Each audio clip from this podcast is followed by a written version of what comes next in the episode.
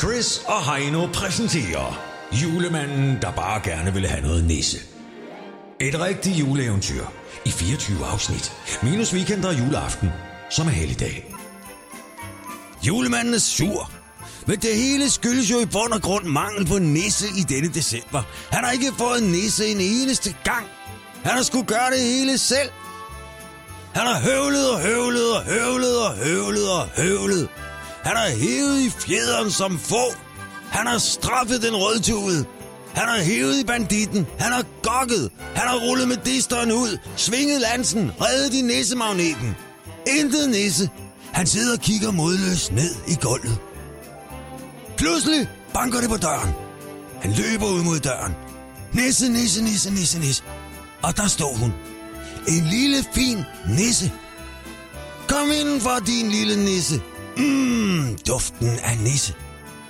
Der blev gået til den i værkstedet i løbet af eftermiddagen. Hun knuppede og skrubbede, og hun blev ved.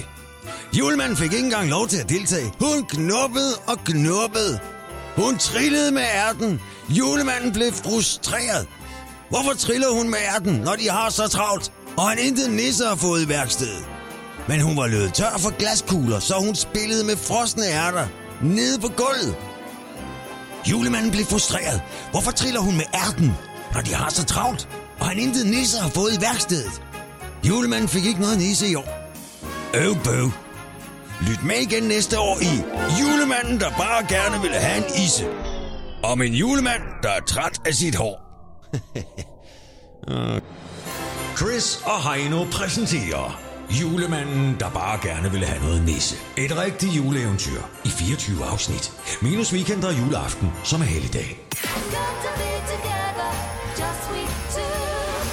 Chris og Heino. Chris og Heino er klar til en ny dag kl. 6.30 på The Voice. Og på podcast via Radioplay.dk.